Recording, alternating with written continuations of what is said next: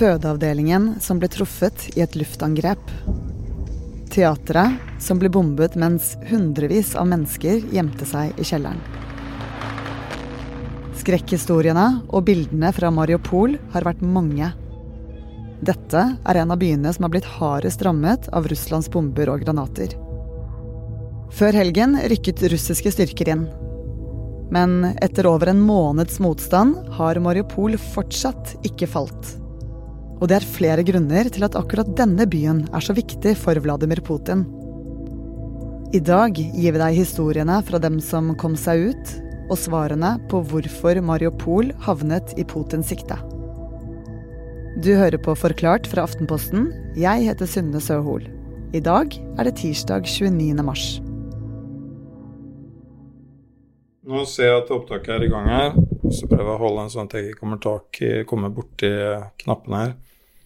Greit, sett i gang. På et hotellrom i sentrum av Kiev sitter Aftenposten-journalist Tor Arne Andreassen. Bare 30 km fra der han sitter, kjemper russiske styrker seg nærmere hovedstaden.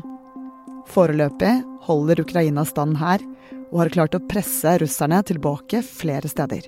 Jeg og min kollega Afshin Ismaili vi kom hit uh, til hovedstaden Kiev uh, i dag morges. Uh, det var jo helt absurd å komme til en millionby og oppleve at det knapt var en eneste bil i gatene. Kanskje så mye som to millioner av tre millioner innbyggere har reist herfra. Før de kom til Kiev, var Tor Arne og fotograf Afshin nærmere frontlinjen sørøst i Ukraina. I en by som heter Zaporizjzja, som eh, da er tre-fire mil nord for fronten mellom ukrainske og russiske styrker, og eh, ca. 20 mil nordvest for eh, Mariupol, denne byen som vi alle har hørt så mye om i Ukraina, som har vært omringet av russiske styrker i flere uker nå. Utenfor Zaporizjzja ligger Europas største atomkraftverk, som nå er under russisk kontroll. Til denne byen kommer mange av flyktningene fra den sønderknuste byen Mariupol. Eh, det vi eh, møtte i Zaporizjzja, var eh, et stort antall flyktninger som kom i private biler, i busser, i varevogner som var stappfulle med folk. og du kunne se at disse folkene ikke hadde vasket seg på lenge. De var jo eh, møkkete og, og helt utslitte. For den siste måneden har Mariupol vært under konstante angrep og beleiring fra russiske styrker. Livet i byen har vært som tatt ut av et mareritt. Det er nok uh, vanskelig å forestille seg hvor ille det er. Du lever i en by hvor det ikke finnes mat, ikke vann. De, de tapper vann fra varmtvannstanker og den slags for å ha noe å drikke. Eh, de eh, er under stadig beskytning eh, og lever jo mye av livene sine under bakken for å ikke bli truffet. og de har ingen informasjon om hva som skjer rundt dem. Det er jo klart at eh, de har jo egentlig ikke noe valg, mange av disse menneskene. De eh, har eh, å bli drept eller sulte i hjel på den ene siden, eller å overgi seg til russerne og eh, da eh, gå en usikker framtid i møte, enten i eh, den delen av Ukraina som ble kontrollert av prorussiske styrker siden 2014, eller å bli sendt til selve Russland. Men hundretusenvis har altså kommet seg ut av Mariupol og til ukrainskkontrollerte områder som Zaporizjzja. Flere av flyktningene Tor Arne har møtt, tar med seg merker fra krigen. Som en 59 år gammel dame på et av byens sykehus, med sår langs hele høyre siden av kroppen, fra ansiktet og ned til benet. Og datteren Natalia. What is your name? My name is Natalie. My husband. Det var altså en eh, veldig svak, eh, sterkt rammet uh, kvinne som lå der. hun hadde også da mesteparten av skadene på den høyre siden av kroppen sin. Og vi kunne se hvordan hun hadde måttet da sy sting i, på nesa, på øret. Og hele ansiktet var liksom svulmet opp pga. disse skadene som hun hadde i ansiktet. Og eh, verst av alt da var at hun hadde da mistet eh, det høyre øyet sitt, eh, hvor det nå liksom da var eh, sydd igjen. Og eh, Eh, det er klart det at den, den, fysiske belastningen var jo ille. Hun, hun, klarte jo knapt å snakke fordi det gjorde så vondt å åpne munnen. Men også den mentale belastningen er jo stor ved å ha blitt utsatt for noe sånt. Сейчас сыновья по телефону общаемся. Так после взрыва, да, мы стояли и общались. Дети были в подвале, было. Det var da eh, egentlig slik at da vi kom inn der, så sier hun at eh, hun ønsket at mannen skulle fortelle fordi det var så vondt for henne å snakke. Men eh, etter hvert så brøt Natalia inn også. Hun ville så gjerne fortelle historien sin om hva som hadde skjedd med henne og familien hennes. De hadde vært sammen med eh, moren, som da jobbet med å lage suppe til folkene som bodde på dette eh, pensjonatet som eh, eh veldig mange hadde flyktet til. Og så kom, er det da en bombe som faller ned, og som eh, rammer alle de som står der i andre etasje i bygningen.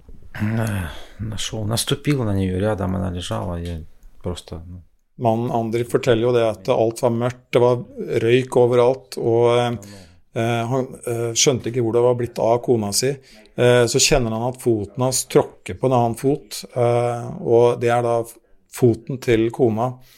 Hun da ligger jo da dekt til av vrakrester fra granatens fra, altså fra bygningen som har blitt ødelagt av granaten. Og det, Han sa til oss at det første han tenkte, det var at hun var blitt drept av bombeangrepet. Eh, men så kjenner han etter hvert at hun puster, eh, får hjelp med å få henne vekk vekk ut fra disse vrakrestene. Og de kommer seg da ut og til en ambulanse som frakter dem til den, det eneste sykehuset som var kontrollert av ukrainerne på det tidspunktet. Etter en lang biltur gjennom russiskkontrollerte områder og mange russiske veisperringer, klarte Natalia og familien å ta seg til et sykehus i Zaporizjzja. Det var der de møtte Tor Arne Andreassen. Historier som denne har det vært veldig mange av gjennom en måned med angrep og harde kamper om Mariupol. Det ble ganske tidlig klart at det ikke er et spørsmål om byen faller, men når. Og når Russland har kontroll over Mariupol, får de en kjempefordel på veien videre i krigen.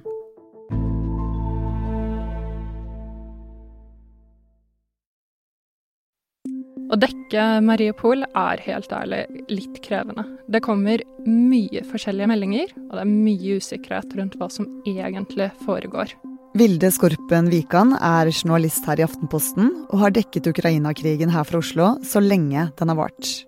Russlands angrep på Ukraina i starten var massivt. De angrep fra flere fronter samtidig. Men så støtte de veldig raskt på problemer. Og da gikk de over til den strategien som vi har sett nå i Mariupol, der de omringet byen uh, og utsatte den for uh, bombe- og granatangrep fra avstand. Byen er under uh, det man kaller beleiring.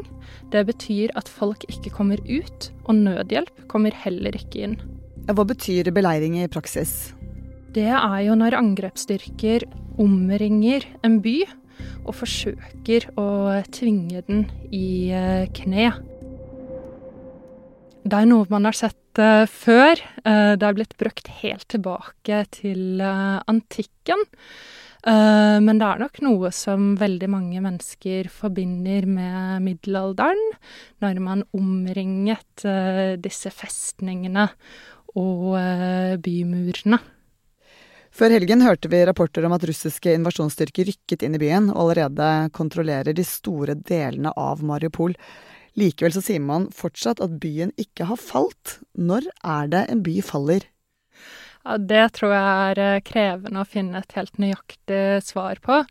Men uh, man tenker nok at det har med hvem som kontrollerer eh, byen, f.eks. viktige institusjoner, har kontroll over rådhus, den type ting. Og også at man kanskje har fått bukt med eh, opprørerne, da, eller de som eh, forsvarer byen. Mariupol har vært under konstant artilleriangrep siden de første dagene av krigen. Vi vet ikke hvor mange som er drept, for det finnes ikke lenger infrastruktur som kan telle de døde men det anslås at tallet er mellom 2500 og 10 000. Ser man på et kart, så forstår man eh, raskt hvorfor Mariupol er så viktig for russerne. Byen ligger midt mellom Krimhalvøya, som ble annektert av Russland i 2014, og de separatistkontrollerte områdene i Øst-Ukraina. Så hvis Russland klarer å sikre seg kontroll over uh, Mariupol, så får de på en måte en slags sånn landbro mellom uh, disse områdene. Men det vil også eh, bety at de faktisk kontrollerer hele området rundt Asovhavet, som igjen er forbundet med Svartehavet. Mariupol er en viktig havn, og får russerne kontroll over den, så får de også en mulighet til å sende inn flere styrker, tanks, krigsutstyr, ammunisjon og etterforsyninger til soldatene som allerede befinner seg i Ukraina. Så ett mål med å ta Mariupol er med andre ord en fri vei fra Russland til Krim sørøst i Ukraina. Men denne byen er ikke bare geografisk viktig, for her kjemper i tillegg en spesiell gruppe som Russland ønsker å knekke. Mariupol er jo også hjem til uh, folk som har seriøs kamperfaring. Uh, blant dem er jo uh, den her såkalte Azov-bataljonen, som er notorisk. Hvem er denne gruppen? De startet som en paramilitær gruppe, men det ble siden underlagt det ukrainske forsvaret. Og de er omstridte. De har jo tiltrukket seg fremmedkrigere fra hele Europa som har bånd med høyreekstreme og nazistiske bevegelser. De har en logo som ligner veldig på den som ble brukt av SS under andre verdenskrig. Og FN har anklaget dem for krigsforbrytelser, voldtekt og tortur. Og det at de er nynazister, er ikke det en viktig faktor for Russland for å slå ned eh, gruppen? Russland trekker jo absolutt fram uh, det høyreekstreme og kanskje nazistiske elementet her. Men det er jo uh, også viktig å være klar over at uh, altså bataljonen kun utgjør en liten del av det ukrainske forsvaret. Mens Azov-bataljonen er viktig for Putins historie om at Ukraina styres av nazister, har også Mariupol en symbolsk verdi. Havnebyen kan ende opp som et skrekkeksempel på hva som skjer når ukrainerne velger å kjempe mot Russland. I tidligere kriger som eh, Russland har eh, kjempet, f.eks. i Tsjetsjenia i 99 og 2000, og eh, senere i Syria, så har vi sett at de velger seg ut noen byer som de beleirer og sønderbomber. Og det er jo en måte å vise resten av landet hva som skjer hvis man yter motstand. Hvordan kan eh, Mariupols fall endre krigen i Ukraina, da, sånn overordnet? Russland vil jo få tilgang til denne strategisk viktige havna, og de vil også få dette landområdet mellom Krimhalvøya og Øst-Ukraina. Samtidig er det vanskelig å si om det vil være avgjørende for Russland.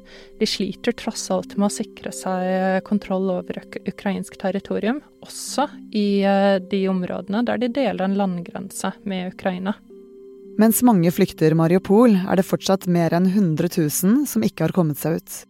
Når Russland får kontroll over byen, vil livene deres bli helt annerledes. Da kan man nok vente at det kommer inn eh, en del eh, nødhjelp. Men det er klart at uh, Mariupol har jo nå blitt utsatt for uh, uopprettelig uh, skade.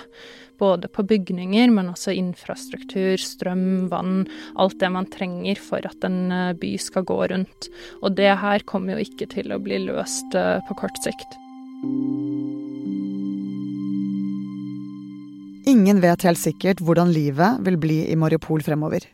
Men Tor Arne Andreassen i Ukraina kan si litt om hvordan innbyggerne har det nå. Det er kanskje snakk om en 150 000-170 000 mennesker nå. Eh, de eh, har jo levd under forferdelige forhold i ukevis, og det blir bare verre og verre. Eh, vi hører at mange tusen sivile er blitt drept. Det er veldig vanskelig å vite akkurat hvor mange.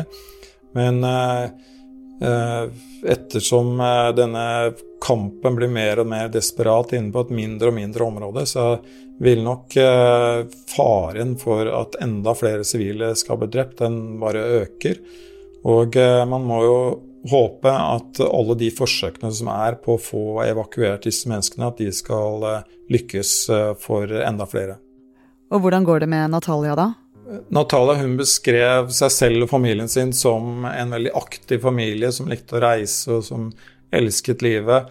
Hun eh, var egentlig veldig opptatt av familien, av eh, sønnene sine, som er 19 og 5 år gammel. Og hun hadde jo sett igjen den 19 år gamle sønnen sin etter at hun ble rammet av den eksplosjonen. Mens hun sa at sånn som hun så ut nå, så ønsket hun ikke at den fem år gamle sønnen skulle se henne. Hun var nok opptatt av at det ikke skulle være for traumatiserende for den minste sønnen å se henne så skadet, skadet som hun var nå. Eh, samtidig så var det jo det, nettopp det tankene på barna som gjorde at hun eh, kom seg opp etter å ha blitt truffet av denne bomben. Og mitt inntrykk var at uh, dette var en familie som, som kunne klare å starte opp på nytt igjen uh, til tross for det de har vært utsatt for.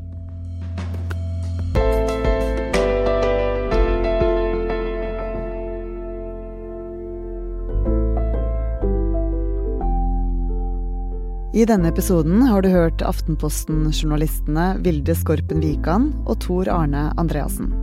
Det er også han som har gjort opptak av intervjuet med Natalia på sykehuset i Zaporizjzja. Lyden du hørte ellers, er fra nyhetsbyrået AP og den russiske TV-stasjonen Anna News.